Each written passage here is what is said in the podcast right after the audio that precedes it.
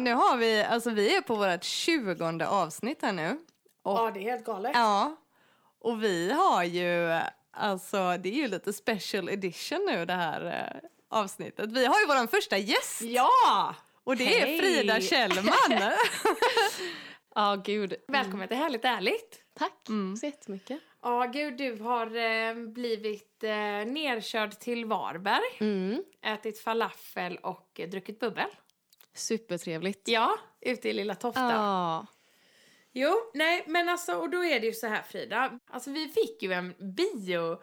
Vi blev bjudna på biopremiär. ja, Fast alltså Frida, det, det var stort. Vi kände så här att men alltså det, det, nu går det jävligt bra. Ja. För härligt ärligt. För mig var det Alltså, vi blev självklart. bjudna på biopremiärer här. Det är liksom röda mattan och... Eller biopremiär utan röda mattan. Ja. För mig var det självklart att bjuda er. Jag satt med en lista sådär och bara vilka ska jag bjuda när, eh, när jag ska visa den i Göteborg. ja.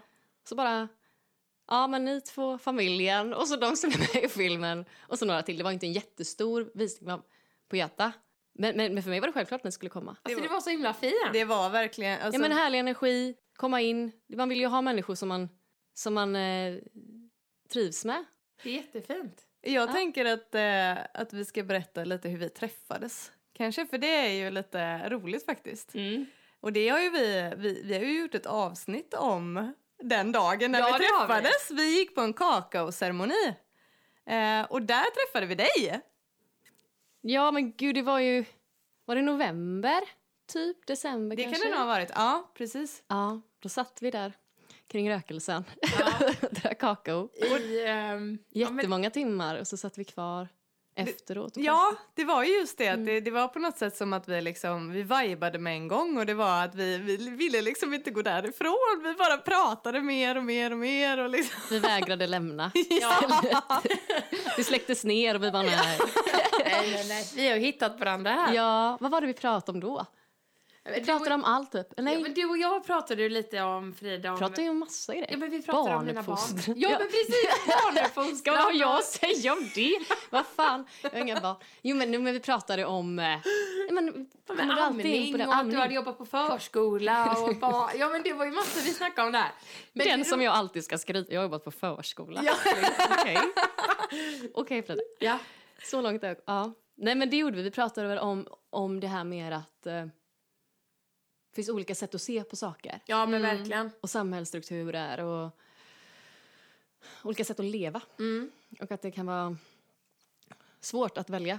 Ja, jättesvårt. Typ. Det är ju Ja. så här, eller jag känner ju att jag väljer nytt Mm. nästan varje dag. Ja. ja men också det här att bli dömd utifrån. Om Ja. man väljer ett visst sätt att leva. Så är det så svårt för man vill ju bara leva sitt Ja. bästa liv. Ja men man vill ju Det var det. det vi pratade om. Ja. Men då berättade ju du Mm. att du hade gjort den här filmen om Björn Natthiko Lindeblad. Och jag tänker att vi ska gå in lite mer på det alldeles strax. Mm. Vem han är och varför du gjorde den filmen och sådär. Men först tänker jag att de som lyssnar nu vill säkert veta lite mer vem du är. Vem är Frida Kjellman? Gud. Ehm, vem är jag? Ja... alltså det är så svårt att sammanfatta sin person. Eller Ja, jag, vet jag inte. förstår det. Ehm, Men du bor ju i Stockholm nu. jag bor i Stockholm. Ja. Ehm, jag är 25 år. jag... ehm, alltså vem jag är eller vad jag gör eller vad jag gillar. Ska jag liksom sammanfatta någon typ av... eh, Jag tänker så här då. Mm. Alltså nu idag har du ju träffat oss. Och det är så här, ja men nu har vi ju ändå tagit tag i lite så taktpinnen liksom. Att nu beställde jag rullar och du vet vi köpte bubbel och nu poddar vi. Men om vi säger så här dina typ, ja men barndomsvänner eller din, med din kille eller ja men dina vänner du har i, ja, i ditt liv. Vad gör ni en dag när ni ska träffas? Just det. Alltså, jag tror att... ehm, jag känner mig själv rätt delad i vem jag är och hur jag är och vad Ja. jag gör. För att en sida av mig... Jag kan ha perioder där jag bara... Jag och min kille kan ligga eh, och bara kolla tv från morgon till kväll, flera veckor. Eh, och en mig vill säga att så här, jag är jättespontan, vill alltid resa, vill alltid göra någonting. Vill uppleva livet, vill Ja. träffa folk, vill utforska saker. Eh, skratta och så. Men, men, eh, men, men just nu i livet, så en vanlig dag, då kan jag inte säga att, att det är så spontant. Nej. Utan då är det nog att jag helst av allt bara skulle vilja ligga stilla hela dagen och bara chilla Ja. och kolla på Bachelor typ. Ja. Men, men det, är inte, det är inte en personlighet som jag vill beskriva att jag är för det låter ju skittråkigt att säga att jag älskar att kolla på Bachelor från morgon till kväll. För, men det är ju det jag gillar just nu. Men, Ja. men det är inte så jag vill vara. Så, så det är delat i hur jag vill promota mig själv just nu än hur jag faktiskt lever. Jag tänker om någon som skulle känna mig skulle lyssna och jag skulle beskriva mig själv som att jag alltid gör roliga saker och hittar på saker och liksom vill. Det skulle inte stämma just nu. Nej. Eh, men, eh, så det går ju upp och ner vem jag är och vad jag gör med mina vänner. Eh, jag gillar att skapa saker. Ja. Eh, det kan vara vad som helst. Vi har ju gjort lite research på dig.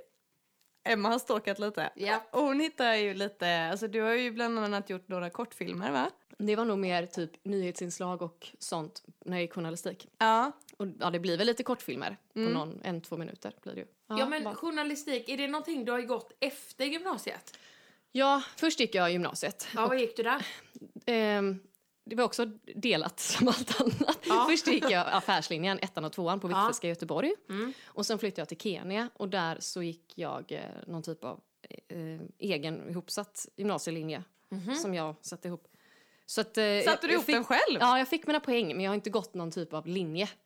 Men gud, kan man göra Men så? vad, vadå? Ja, Fick du kunde- välja vad du skulle göra själv då eller? Alltså jag tog ju jätteroliga ämnen. Jag, jag tog typ så här ensemble eh, C, sånt som inte fanns. För då skulle jag bara stå och sjunga stämmor själv. Nej, men, jag, jag hade min musiklärare och jag satt och liksom, så fick jag MVG fast jag inte gjorde någonting typ. Eh, så jag har gått gymnasiet. Men sista året var, det, det, det, det, efter många års kämpande innan så tyckte jag nu var värd det här året i Kenya där jag bara Ja. levde. Jag hade det gött. Så jag gick både affär, vilket jag absolut inte trivdes med.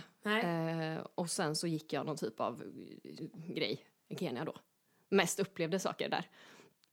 Vad, var, vad är ditt bästa minne från Kenya? Ehm, alltså det är, så, det är så vackra minnen så att man kan knappt ta, liksom välja ut något. Eh, Rid, rida bland giraffer och zebror.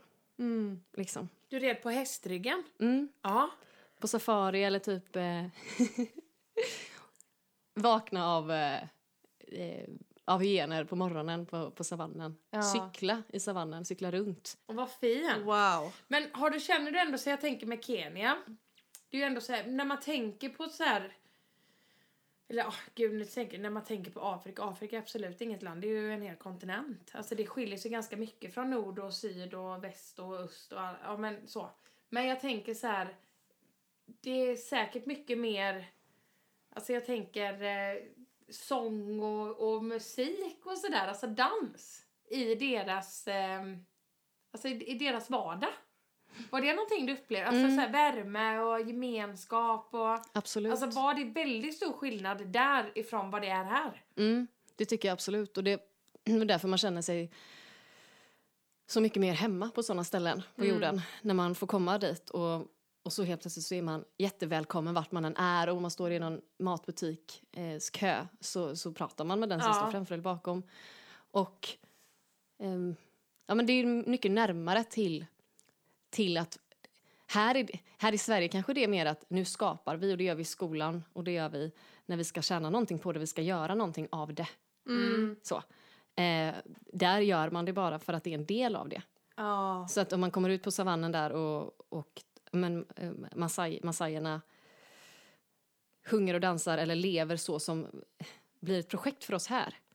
Men där är det naturligt, då, då, då är man fri liksom. Ja. Mm. Och då, för där är det bara nat- naturligt att, att, att sitta kring en lägereld och sjunga.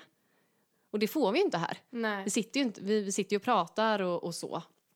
Men det är också någonting som man måste ta sig tid till typ, ibland. Ja, Mm. men precis. Men där är det eh, en, en, en rutin.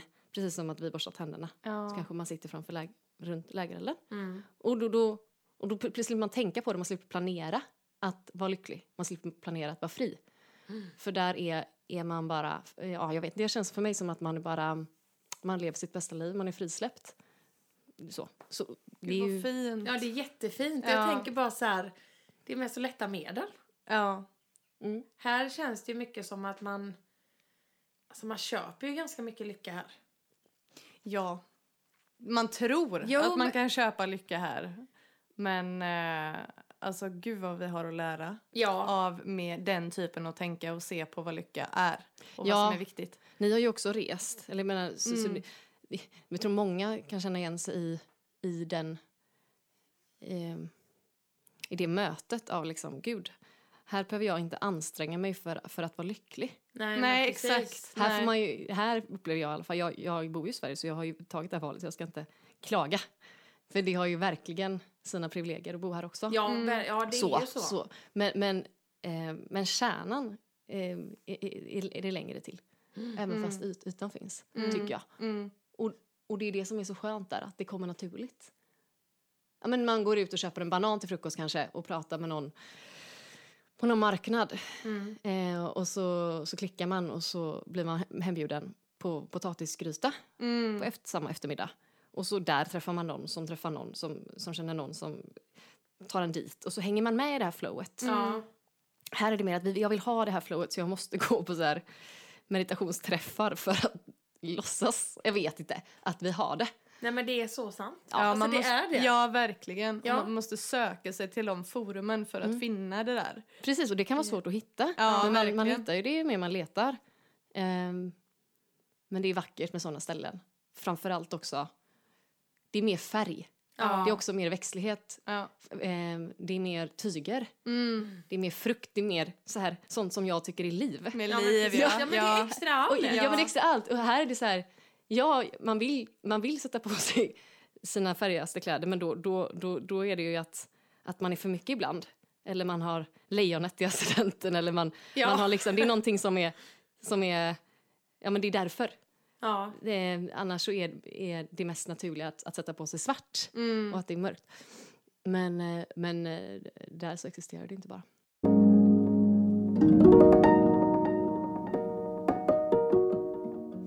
Åkte i alla fall då. Alltså, F- ja, sista året i gymnasiet åkte du till Kenya. Mm. Du kom hem. Vad, vad, vad hände sen? Sen, sen tappade jag det. Helt. Ja. Jo men alltså jag kommer att jobba på en simhall då på den tiden. ja. Jag brukar göra det ibland när jag inte har något annat jobb eller något annat eh, mål i livet. Ja. Då landar jag i simhallar. Ja. Ja men det är sant. Då brukar jag kolla på när folk simmar. Och så vaktar jag dem. Eller jag var... Jag, jag, jag är badvärd. Här, långt tillbaka. Ja. Och det är ett stabilt yrke liksom. Kommunalt och så hej och ja, skitsamma. Då satt jag i alla fall när jag kom hem från Kenya. Eh, och, och, och satt i den här badhytten och kollade på när folk simmar. Jag höll koll på så att inte någon drunknade. Men jag hade mest uppmärksamhet på vad fan ska jag göra i mitt liv. Så jag skrev alltså listor. Så jag, jag har kvar dem, det är två A4 det är som man sparar då. Det här med kläder också, att spara ante- anteckningar och dagböcker. Och då eh, har jag skrivit eh, det här ska jag göra om ett liv. Och det här var precis när jag kom från Kenya, satt i sim, simhallen. Så 1, 2, 3, 4, 5, 6, 7, 8, 2, A4. Så ett, åk till Norge en månad, tjäna jättemycket pengar och utomlands en månad, hitta dig själv. Eh, månad tre, åk tillbaka till Sverige, eh, umgås med din pojkvän. Eh, månad fyra, och, och utomlands igen, kanske inte till samma ställe som jag... Alltså jag planerade hela mitt liv fram tills jag var 30.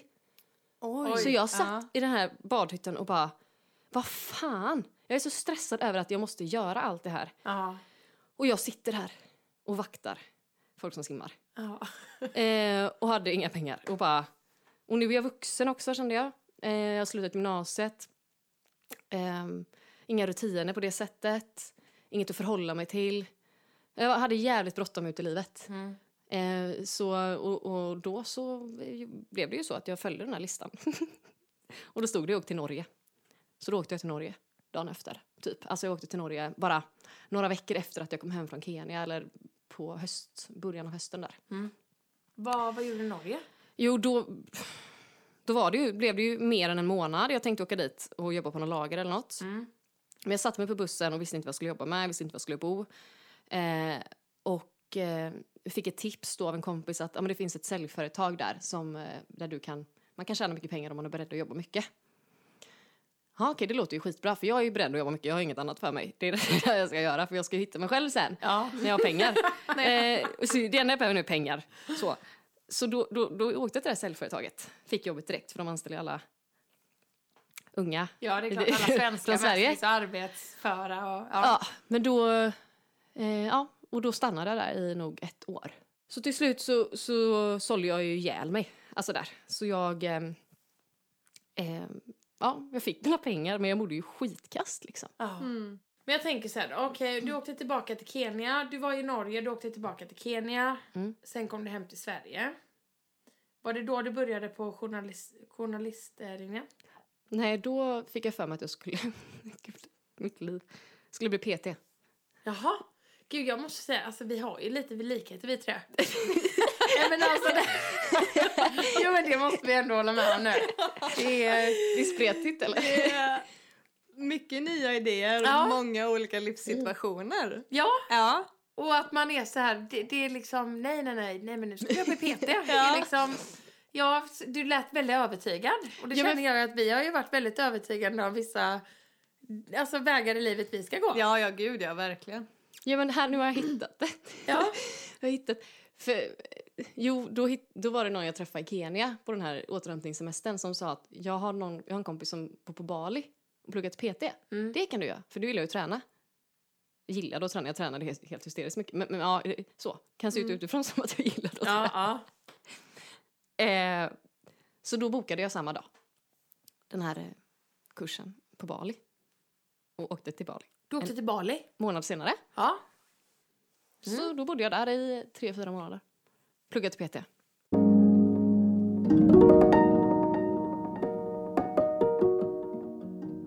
Eh, vi träffade dig. Mm. Det var liksom våran första grej som vi skulle göra med liksom härligt ärligt. Det var ju att åka till Mölndal och träffa Kristin och göra kakaoceremoni. Ja, precis. Eh, och så träffade vi dig och då hade Jenny precis varit på Nycklar till frihet. En, ja, vad, vad ska man säga, en föreläsning som Björn Natthiko Lindeblad hade. Ja, Och du har, ju, du har ju lyssnat väldigt mycket på Björn och Navids podd. ja precis. Och varit väldigt inspirerad utav dem. Mm. Eh, och även introducerat mig till dem. Och när vi träffade dig Frida så um, jag vet inte riktigt om det var du som nämnde det eller om det var Frida som nämnde det men hur som helst så kom det ju fram i alla fall att Frida höll på att göra en dokumentärfilm om Björn. Just det. Jag tror att det var att jag skulle börja- följa det på Instagram. Och så Ja, hade du lagt upp en bild det. på honom. Och Det jag bara, stämmer. ah, vad kul, jag gör film om honom. Exakt, Typ så. ja. Så var det. Ja. Men då tänkte jag, kan inte du bara berätta lite kort för de som inte vet, vem är Björn Natthiko Lindeblad? Ehm, ja, men Björn är ju... Alltså han är... Vem är han? För mig eller för... Vi kan börja Vem han är. i det stora hela. Mm. Men han är en man från, från Hovås i, i, Göteborg. Mm. Eh, jag tror han är, han är född 61 så han är väl kring 58 nu. Eh, och han eh, växte upp där jag växte upp helt enkelt i, i Göteborg och hade väl en sådär privilegierad bar, barndom. Eh, spelade mycket golf och eh, gick liksom ja, men i, i de här sp- spåren som man tänker det ska göra mig lycklig. Jag tror också han var en sökare. Mm. Eller jag vet att han var en sökare. eh, och ehm, han sökte nog liksom lycka och, och var väldigt högpresterande i allt han gjorde och lyckades med allt han gjorde. Men kanske inte heller hade bara så här en specifik vilja och bana som han ville gå utan han lyssnade på många andra. Som man gör när man är ung. Mm. Så han eh, gick gymnasiet, bra betyg, sen så flyttade han upp till Stockholm och gick Handels högskolan. Mm. Började jobba på AGA-koncernen i Spanien och i Sverige och var på väg att bli den yngsta ekonomichefen någonsin då i eh, ett av AGA-koncernens dotterbolag. Eh, Så han var liksom en sån här utifrån framgångsrik, eh, lyckad person. Mm. Eh, Men insåg väl där någonstans, när han var 25 då, att eh, så här vill inte jag leva mitt liv. För han hade ändå tänkt mycket eh, under hans uppväxt. Där. Hur ska jag leva mitt liv? Liksom, vad är det bästa sättet att, att leva? Eh, och eh, då insåg han väl någonstans där att nej, det går inte. Och då bestämde han sig bara, från en till en annan, att eh, det här håller inte. Så han, han började meditera för att han hade läst en, en bok som förespråkade meditation. Och i en meditation så fick han liksom till sig i en intuition, via hans intuition då att eh, det är dags att gå vidare. Mm. Och då så sa han upp sig från det här jobbet. Eh, och eh, åkte ut och reste istället. Backpacka och jobbade lite volontärarbetare istället. Bytte Mm. bana i livet liksom Mm, sådär. mm. Som vi har pratat om nu, de tidigare samtalsämnena, att man, man, man byter ofta. Men han, för honom blev det så extremt, för han hade verkligen kört på en bana så länge. Till han var Ja, just 25. det. Mm. Vi har ju inte, vi har inte gjort det. Vi har ju bytt bana 70 gånger redan. Ja. Men, same same. Ja. Ja. men han körde ju verkligen all in på det här med ekonomi. Mm. Liksom så. så. Eh, och ehm, så fastnade han för det här med meditation då. Så han, eh, han, eh, han eh, var på några meditationsläger och det var svårt till en början. Och efter, eh, efter några månader, efter lite, ja, efter lite olika grejer som han testade så bestämde han sig för att bli skogsmunk i, i Thailand. Sen var han det i 17 år. Mm. Alltså, Sen åkte han hem. och sen dess så har han föreläst och poddat och eh, nu då för ett och ett halvt år sedan så fick han, han, han blev ju rätt om, vad ska man säga, etablerad eh, via hans podd och via hans föreläsningar och via hans retreats Mm, som jag själv har gått på. mm. Eh, men när han fick ALS så blev det väldigt omtalat på något sätt. Eller omtalat, det blev, det blev jobbigt för många. Ja, uppmärksammat. Ja, Och på den tiden, då gick jag journalistikskola då. ja okej. Mm. Så alla mina arbeten handlade om, om det här. Mm. Eh, för att han har ju alltid hjälpt mig genom eh, ja, men livs, existentiella livsval, eh, dödsångest. Mm. Eh, hans ord har hjälpt, hjälpt mig när, jag haft, när min mormor gick bort. Så hjälpte han mig. Mm. Så, så när han fick ALS och, och, och tre till fem år kvar, ett till fem år kvar att leva, då, då kände jag starkt att jag ville göra någonting av hans ord. Av vad han har lärt sig som buddhistisk skogsmunk i 17 år. Ja. Och, och vad han eh, kan ge vidare till världen. Och ville verkligen få ner det på film då. Så då bestämde jag mig för att göra en film. Om hans ord, om hans liv, om hans resa. Eh, Dels kanske lite på den tiden som terapi för mig själv. Mm. Eh, men också som att det, han får inte försvinna. Nej, Nej, nej, nej, nej, nej. Jag var jätte, jätterädd för det och ledsen Mm. så. Mm. På den vägen är det. Att, Mm. eh, att jag, ville, jag ville föreviga Björns lärdomar. Och den här filmen gjorde du som en present till honom, vad vi har förstått va? Mm. Ja. Alltså det är så fint. Jag kan inte tänka mig någon finare present att få. Nej, alltså, alltså, det...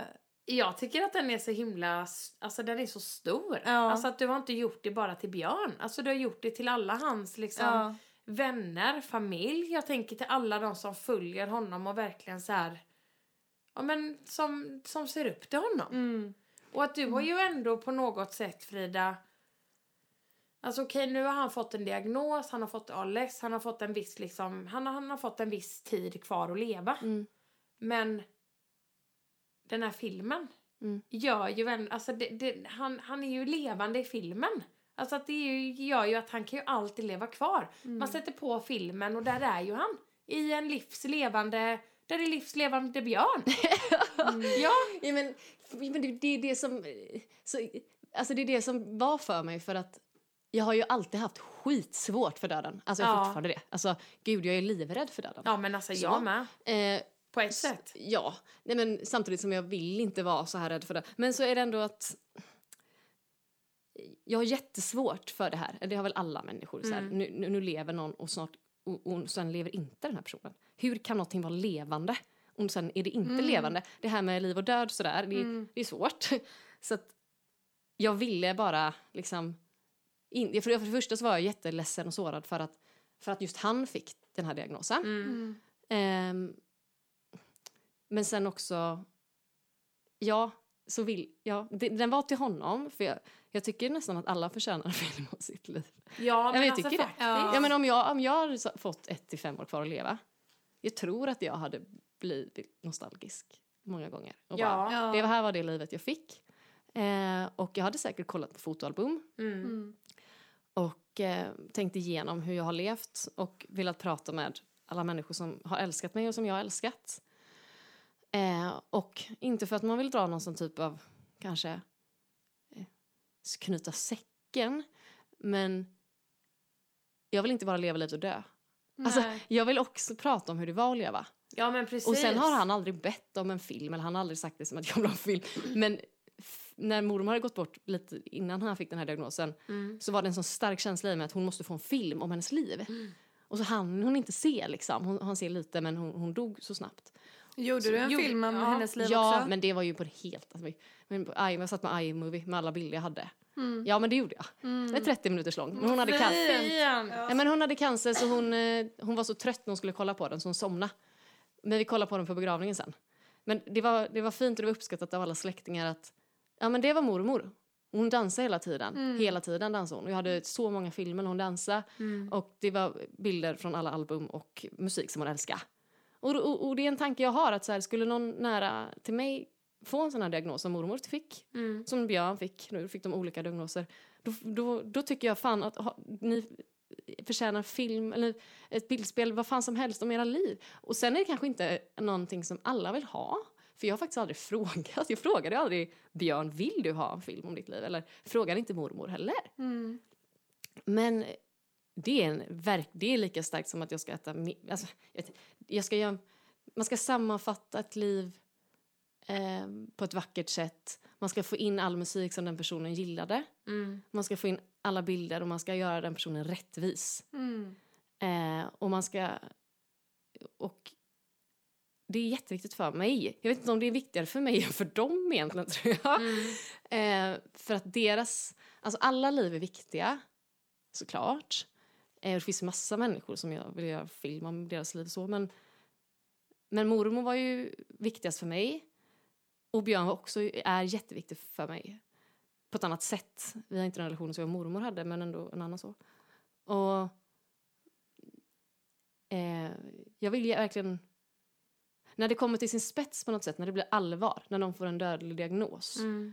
då, då spelar det liksom... Då vill man bara ge... Här, du betyder så mycket för mig. Mm. Du, du måste få se det. Ja, innan, du, innan du går. Ja. Mm. Och eh, man kan inte bara säga tack. Men det, man kan inte göra någon film heller, för man kan ju aldrig visa någon hur mycket någon har betytt för en, om man, någon har betytt jättemycket. Nej. Så det, en film känns gärna så här... Det är egentligen inte alls... Jag kan inte ge tillbaks lika mycket så, så, som de har gett till mig. Men det är klart att det är... Man vill ge tillbaks, man kan inte bara ta. Jag har ju fått så mycket av Björn. Jag har fått så mycket ord, så mycket meditationer. Han lärt mig så mycket om livet. Mm. Och då var film det jag kunde ge. Men där måste jag fråga en grej. När du säger så att han har lärt dig så mycket om livet, om meditation och sådär. Då undrar jag verkligen, alltså hur lär en... Alltså en man då som Björn, som har varit skogsmunk i 17 år.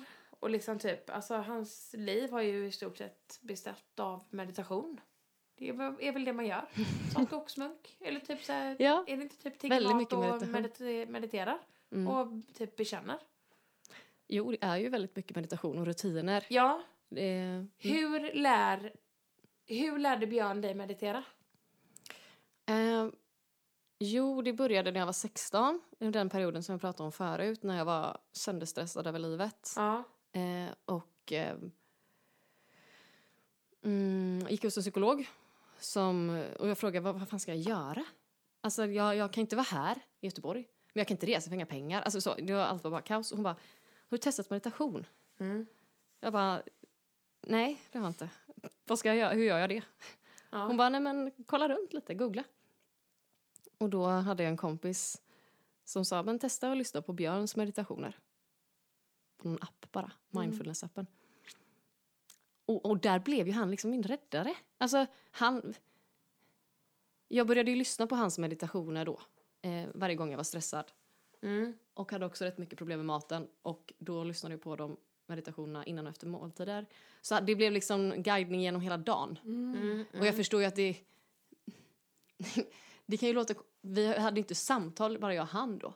Men hans meditationer eh, gjorde mig till en mer harmonisk och eh, eh, lugnare människa. Mm. Så då blev ju han den som eh, räddade mig.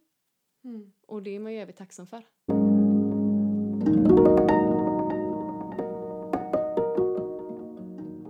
Men hur kom du i liksom, personlig kontakt med honom sen? Att du faktiskt lärde känna honom? Min mamma och Björn eh, är typ barndomsvänner. Mm. Så jag har alltid liksom haft, eftersom att vi är från samma ställe, eh, så vi har alltid haft, alltid vetat vem man har varit. Som mamma sa när han kom hem från, eh, från att ha varit munk 2008. Så sa, han att, eh, sa hon att han kompis som precis kommit hem från att ha varit munk i 17 år och han borde du skriva till. Han tror att du behöver prata med. För han mediterar. Mamma tyckte att jag behövde meditera. Så. Men hade du lyssnat på hans meditationer innan det då? Nej, det var väl samma veva då. Ja. Mm. Eh, ja, jag har lyssnat på hans meditationer, så har jag skrivit med honom lite och sen så... Eh, ja, så var det nog. Och sen så när jag gick teater och sånt, Mm. jag gick, lite olika teaterutbildningar i Stockholm, då, var han liksom en sån som jag alltid bjöd in. Och skulle, han skulle se vad jag hade gjort. Fint. Nej men alltså det är, det är egentligen sådär lite som att man, kolla vad jag har gjort. Nej, men, han var en viktig person liksom. Ja. Jag vill att- Tittar han? Inte på mina teater, men det förstår jag för det var ju uppe i Stockholm, han bodde i Göteborg. Ja, ja. Men han var en av de vuxna som jag såg upp till. ja, ja. Det var inte bara han jag började, men, men det var sådana människor som jag var, de här människorna är fina människor och de människorna vill jag lära mig av. Ja. Och han var en i det gänget helt enkelt. Mm. Så jag hörde av mig till honom då och då och så började jag gå på hans retreats. Och sen när jag gick på hans retreats så pratade vi och sen på den vägen är det. Eh, och sen så gick jag på ett retreat efter han hade fått den här diagnosen. Okej. Och då, eh, när han pratade om det, om hur det är för honom att, att ha den här diagnosen, då kände jag bara, jag måste göra någonting av det här. Mm. Eh, och så var det en kvinna där på det retreatet som skjutsade hem mig. Och som sa att du måste göra någonting. För jag sa att jag ville göra någonting. Ja. Eh, hon bara, vad, vad, ska, vad, vad ska du göra? Jag bara, men jag kanske ska skriva en bok då. Följa liksom, ja, men hans tankar och resa till det här så, eller om hans liv. Eh, hon, hon, jag bara, eller en film kanske. Och jag hade aldrig gjort film på det sättet. Liksom. Hon, vi gör film. Jag bara, ja, ska jag göra det? Och så Mm. ringde jag honom dagen efter. Frågade om jag fick göra en film om hans liv. Eh, och då så sa han, för då hade jag gjort alla de här skolprojekten med honom, typ så här reportage och sånt, så här simpla grejer. Ja. Och då sa han, är det här ett Frida ska göra ett skolprojekt? Eller är det ett Frida ska göra ett riktigt projekt? och jag bara, eh, men det här är Frida ska göra ett riktigt projekt. och han bara, okej men då kör vi. Och så Ja. började han skicka bilder från hans liv eh, och texter och så. Och på den vägen är det. Hur såg processen ut sen med att skapa den här filmen? den är så jävla krånglig men jag bara körde på. Mm. kontaktade alla hans familjemedlemmar, eh, eller han hjälpte ju till att liksom rodda i vilka som skulle vara med, vilka som betydde mycket för honom, hans Mm. bästa vänner och så. Eh, så jag eh, mejlade med alla dem, kom fram till datum, kollade med något konferenscenter i Stockholm vi kunde hålla intervjuer där. Så fick låna det, för de visste vem Björn var. Mm. Eh, och där de har poddat, Björn och Navid då. Ja. Där hade vi alla intervjuerna. Okej. Ja. Mm. Och sen så... Eh, och så gick det bara snabbt. Och så gick jag ju på journalistikskola då och då fick jag låna någon kamera där och så lånade jag en annan kamera från något filmbolag. Eller filmstöttande. Ja. Eh, och eh, så åkte vi ner till Göteborg och höll, och så höll jag alla de här intervjuerna. Så förberedde alla frågorna eh, utifrån vad jag tycker är intressant i hans liv. Mm. Det Vad- var om. Vad var det svåraste med att göra? Jag tänker att det är en väldigt känslig och känslosam film och syftet med den. Liksom. Vad var det svåraste med att göra den här filmen? Alltså det svåraste har varit att jag ville verkligen eh, bara göra det som en typ av terapi för mig Mm. själv och, och också göra en film till honom och vara fri i det. Mm. Eh, men så var det så jäkla mycket mer som hände. Eh, som jag har behövt ta tag i som har dödat eh, viljan och, och glädjen i det. Jag, har gjort, jag gjorde ju den, så det är inte så att den dödade det helt. Men det har varit svårt för att jag ville bara flyga i det. Förstår du Mm. vad jag menar? Alltså Mm. jag ville bara vara fri helt. Eh, men det har varit så mycket praktiska saker. Mm. Alltså så här, jag har gjort all, nästan allt blir det ju då. Att eh, mm, jag blir ansvarig för allt. Ja. Eh, och ja, det är, det är en ensam process, jätteensam process. Och ehm, eh, människor har inte förstått min intention med det. Okej. Så då har det ju blivit alltså människor som man har jobbat med på vägen Mm. som kanske ehm, ja, men eh, respektlöst kanske trampar lite på faktiskt vad det är som egentligen betyder någonting här. Mm. Och det är ju att det, det är en person som, som är viktig. Det Mm. handlar inte om... Men ja, jag vet inte, det är dubbelt. Det ska inte...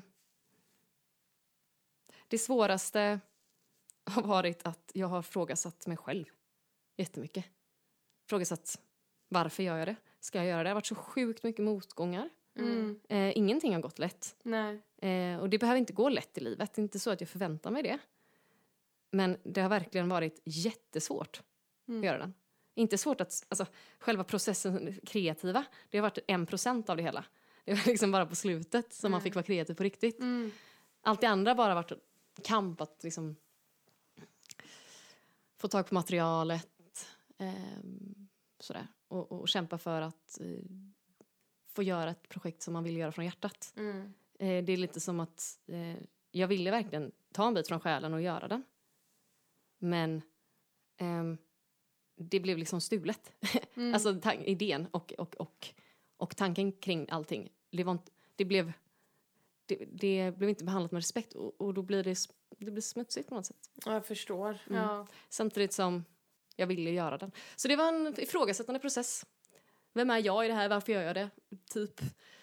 Jag ska inte gå in för mycket på, på varför och så. Men ja, svårt. Jag förstår. Mm. Men nu i efterhand, känner du ändå att du är, liksom, att du är glad att du fullföljde det? Ja, det är jag. Mm. Eh, Jag är glad att jag gjorde det för min egna skull så att jag kunde få slutföra det. Mm. Mm. Eh, och människor är ju nöjda med den och familj, det är hans familj och sådär är ju nöjda med den. Eh, och då kan de ha kvar den här sen. Det är så fint. Ja, det är jättefint. Alltså det, jag och Emma har ju pratat om det hur mycket som helst. Framförallt efter att vi var på biopremiären. Jag är glad att ni det, kom. Ja men det, det är klart vi Jag satt gjorde. ju där och höll på att sjunka under jorden. och, ja, men, och jag förstår ju det Frida på ett Ja. sätt, för det är ju dina känslor. ja, Men alltså jag och Jenny vi bara typ tittar på varandra och bara men wow. ja, ja. Mm. Alltså vilken jävla film. Alltså den, det, det är ju verkligen alltså Frida på riktigt. Det är ju ingen, det är ju ingen amatörfilm. Nej verkligen inte. Alltså vi var... Nej, mamma, mamma sa det, gud jag satt och väntade på det här. Amatör, jag för allt annat du har gjort. Den är så Rätt amatörigt.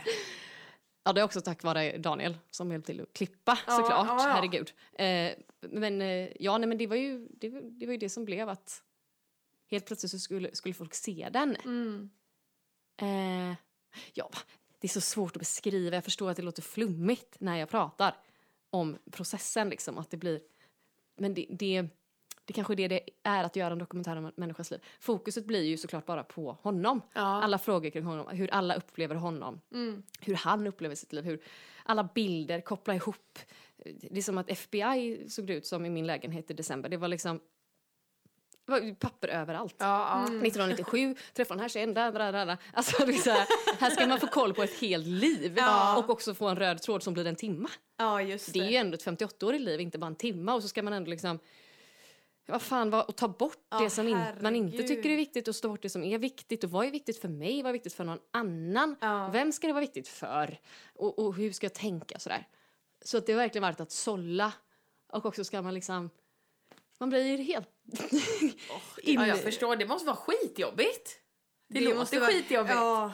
Sen vill man inte klaga. Fan, jag är tacksam att jag fick göra en film om honom och att han hade tillit till att säga ja när Mm, Ja, jag men frågade. precis.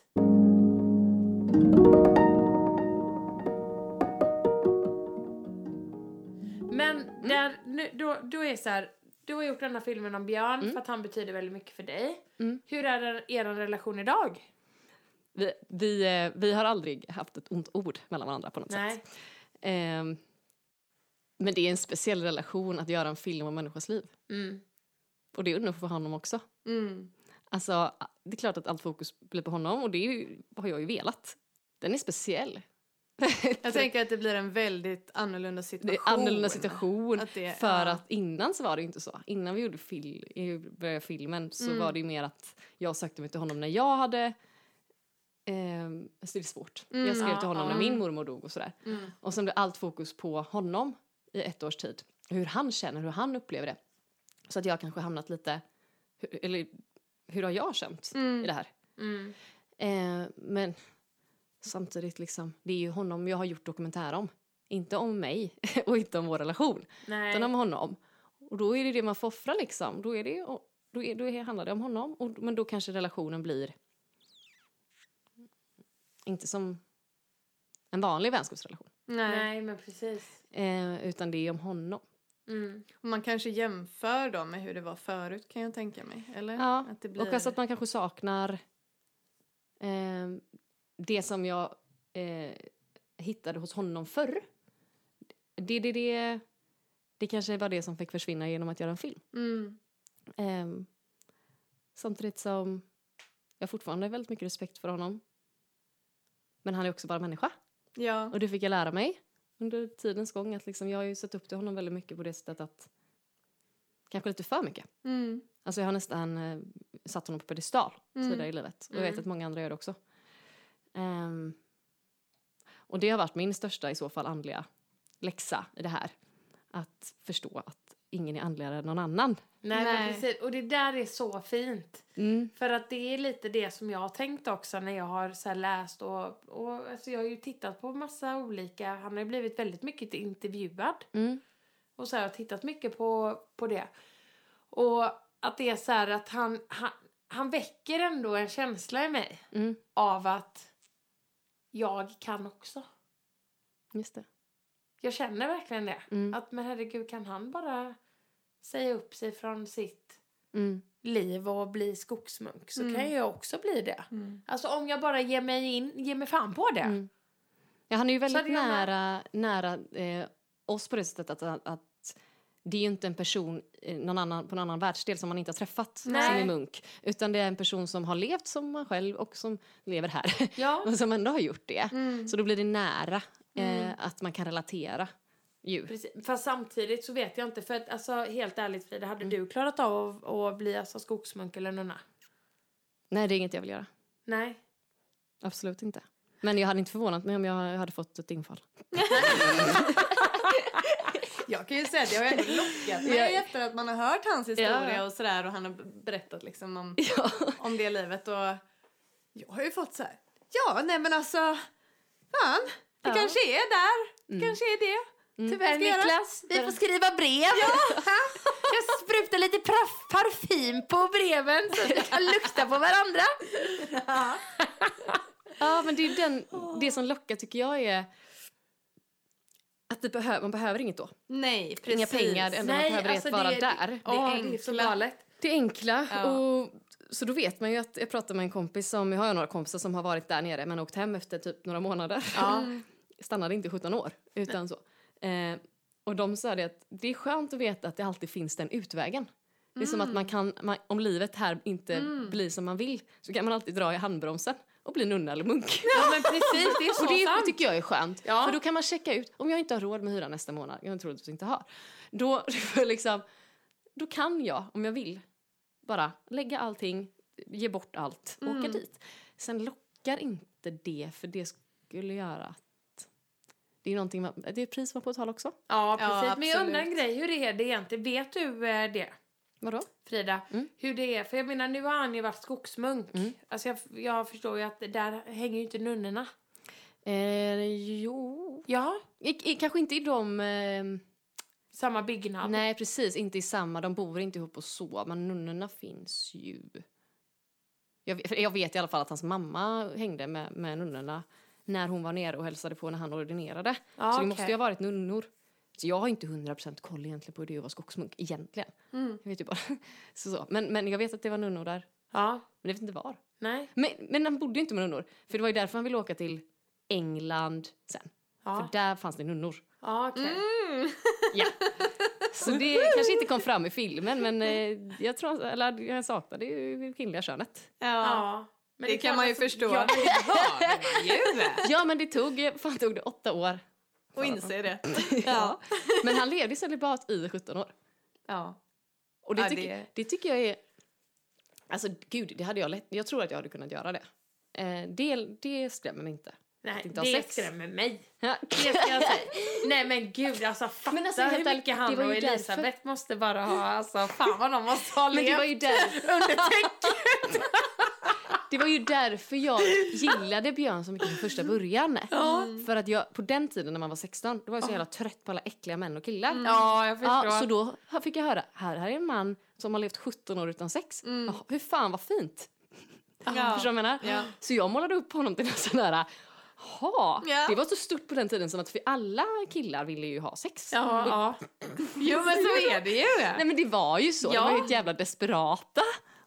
Men, men var, och så fick jag höra att Björn har tagit ett aktivt val Ja. att inte ha sex i 17 år. Och det var jävligt inspirerande. Ja. Men men, nu vill man, kan man väl ha, det vill man väl ha ibland. Ja. ja, det är klart. Nej, men vadå, alltså hallå eller? Nej jag vill inte sitta och meditera 17 år. Absolut inte. eh, nej men jag blir så trött på, jag, jag helt, och det är det som har varit det priset jag också fått betala för den här filmen. Jag har varit så jävla mycket uppe i det här med meditation och jag vet inte. Så jag är tröttnat på hela grejen. Förstår ni vad jag menar? Aha. Alltså, ja. Alltså, jag lyssnade ju alltid på Björns meditationer innan. Mm. Jag skulle ju faktiskt inte lyssna på Björns meditationer nu. Det, det går inte. Nej. Jag, alltså, jag har lyssnat på dem så mycket det här året för att få fram det jag vill. Eller för att överhuvudtaget leta om jag vill ha med Ja, någonting. ja. Så kanske jag kommit fram till att jag inte ska ha någonting av det. Men att det har ju blivit ett jobb, alltså mer ett arbete. Innan Just var det, det. mer en andlig eh, vägledning. En, eh, en nyckel till frihet. Mm. typ. Mm. Och nu är det bara... Jag har ju malt sönder allt. Alltså så här, i minsta liksom. Så, Jag det, förstår. så blir det. Jag skulle vilja ställa en, eh, en sista fråga. Sen eh, börjar det bli dags för att runda av det här. För nu har vi tjatat Gud på vad jag, länge. jag vet inte vad vi har, pra- vad jag har pratat om det här avsnittet. Nej, men vi har ju pratat om allt möjligt. Vi har pratat Ja. om eh, Kenya och meditation och... Allt möjligt. Men det sista jag Spretigt. skulle vilja fråga dig. Mm, Det är, vad drömmer du om just nu? Åh, jag drömmer om det enkla. Mm. Det enda jag vill, jag har sökt så jävla mycket, sökt så mycket svar, sökt så mycket olika sätt att leva, det rätta, det, det finaste och allt sånt. Nu vill jag bara, eh, alltså jag drömmer om att, att, att bo i typ ett torp vid vattnet i skogen med min pojkvän. Och eh, skaffa en egen hund och ha en häst som får beta när den vill och som man inte rider på. Och som man kan, be- eh, man kan rida till barbacka Mm. eh, galoppera på någon äng. Och eh, katter. Eh, och så vill jag baka. Och så vill jag eh, måla på en vägg. Och eh, så vill jag att han ska spela eh, musik och skriva musik. Och så vill jag bara vara där. Men vad, vad känner du? Vad, vad... Ja, ja, men alltså, det låter ju så härligt. Ja. Jag känner ju bara så här, vissa delar av det du beskriver lite igen i slutet. Det är så ni... ja, men jag, jag hörde det igen berätta i bilen förut. Ja. Jag bara, det är ju exakt så jag... Ja, ja, du måste få komma hem Ja, till det oss. måste ja. du göra. Jag har en drömfångare vill jag ha hörnet där. Och så vill jag ha eh, en loftsäng där man kan vara om man känner för att sova lite eh, där. Och så vill jag ha massa olika sängar som man kan sova. Man kanske vill sova med någon, jag vet inte, jag kanske sova med min hund för Jesper snarkar. Sen kanske jag vill sova... Eh, nej men du vet. Och så Sen kanske man vill ha en säng där man bara är icke-skogsmunk. ja men just det. Ja. Precis. Och sen kan man ha en liten avdelning i huset där man får, får, får vara skogsmunk. Ja, precis. för det. Eller nunna. Ja. Och sen ska jag tänka mig ett barn. Men också då att jag har... Ett också, barn. också då att mina bästa vänner Ja. eh, är också mammor till det barnet. Så Ja, jag har ganska fint. många kompisar som jag också vill ska vara lika mycket mamma i så fall. Mm. Om inte de får barn så vill jag att de ska vara mammor. Vad fint! Det låter som en helt fantastisk Det låter dröm. verkligen, men ja det låter ju... Och så vill jag gå barfota hela tiden. Men, men då måste jag fråga bara, det här är- låter ju fantastiskt, men hur, hur försörjer du dig? Eller, Ja precis, det är ju det som är det svåra. Ja. Jag måste ju få ihop det här. Jag får ju leva självförsörjande eller... Eh, alltså jag har testat det mesta. Jag vet inte. Jag försörjer mig nog genom att jag måste, jag måste ju skapa någonting. Jag kan inte bara gå runt där och sväva. Nej. Utan jag tror att jag i den drömmen har en liten inkomst på eh, att jag får göra lite kortfilmer. Ja, Mm. Mm. Du gillar det är det? ju drömmen. Ja, jag men, tycker du ska satsa på det Frida, Ja. för du gör det jävligt bra. Ja, vad fina alltså ni är. satsa på film. ja. Ja, Så kommer det andra med det tror jag. ja. Men jag vill, och, och så nu nästa film vill jag lyfta något ljust. Så det kommer vara fjärilar. Eh, och, och, och strand. Det kommer inte vara döden. Det kommer vara så här två, det kommer vara människor som flyter runt på en flotte typ. Utan någon handling. så härligt. Kan vi få vara dem Ni får gärna vara dem. Nej men vi Ja, har en idé. Strandsatt. Vi ska ta den sen när vi har rundat. Vi har ju en idé. Ja, det har vi vad faktiskt. bra. Ja. Jag kan, vi, vi gör en kortfilm om eh, Je- Jenny och Emma på Bygger en flotte. Bygger en flotte. Men fatta vad gött! Ja. Och ingen har skor. Och så har vi så här änglavingar på Och oss. så är vi mammor alla till mina barn. Ja, jag behöver inte ha egna barn, jag kan vara mamma till Ja. Jag har två. Ja, Ta fan, varsitt. man, vill ju, dem. man vill ju ha det livet. Ja. Man vill ju ha det livet. Man, man vill ju vara det, det lilla, det enkla och, och så bara såna man älskar. Ja. Mm. Och så vill man ge all kärlek som man föddes med. Tills man inte kan ge längre. Och så bara ge, ge, ge den. Och då blir det ju kärlek bara. Ja. Mm. Och så lite konst. Och så lite, och så lite rödvin eller bubbel. Så. ja, det är helt våra melodi där. Nej men det är gött. Vi får helt enkelt, jag vet inte, vi får slänga ut alla grannar i Gräggered och så får vi skapa det här. Ja. Men det är typ min dröm alltså. Ja. Alltså så ska det vara. Så ska det bli. Det får gärna vara sol. Ja.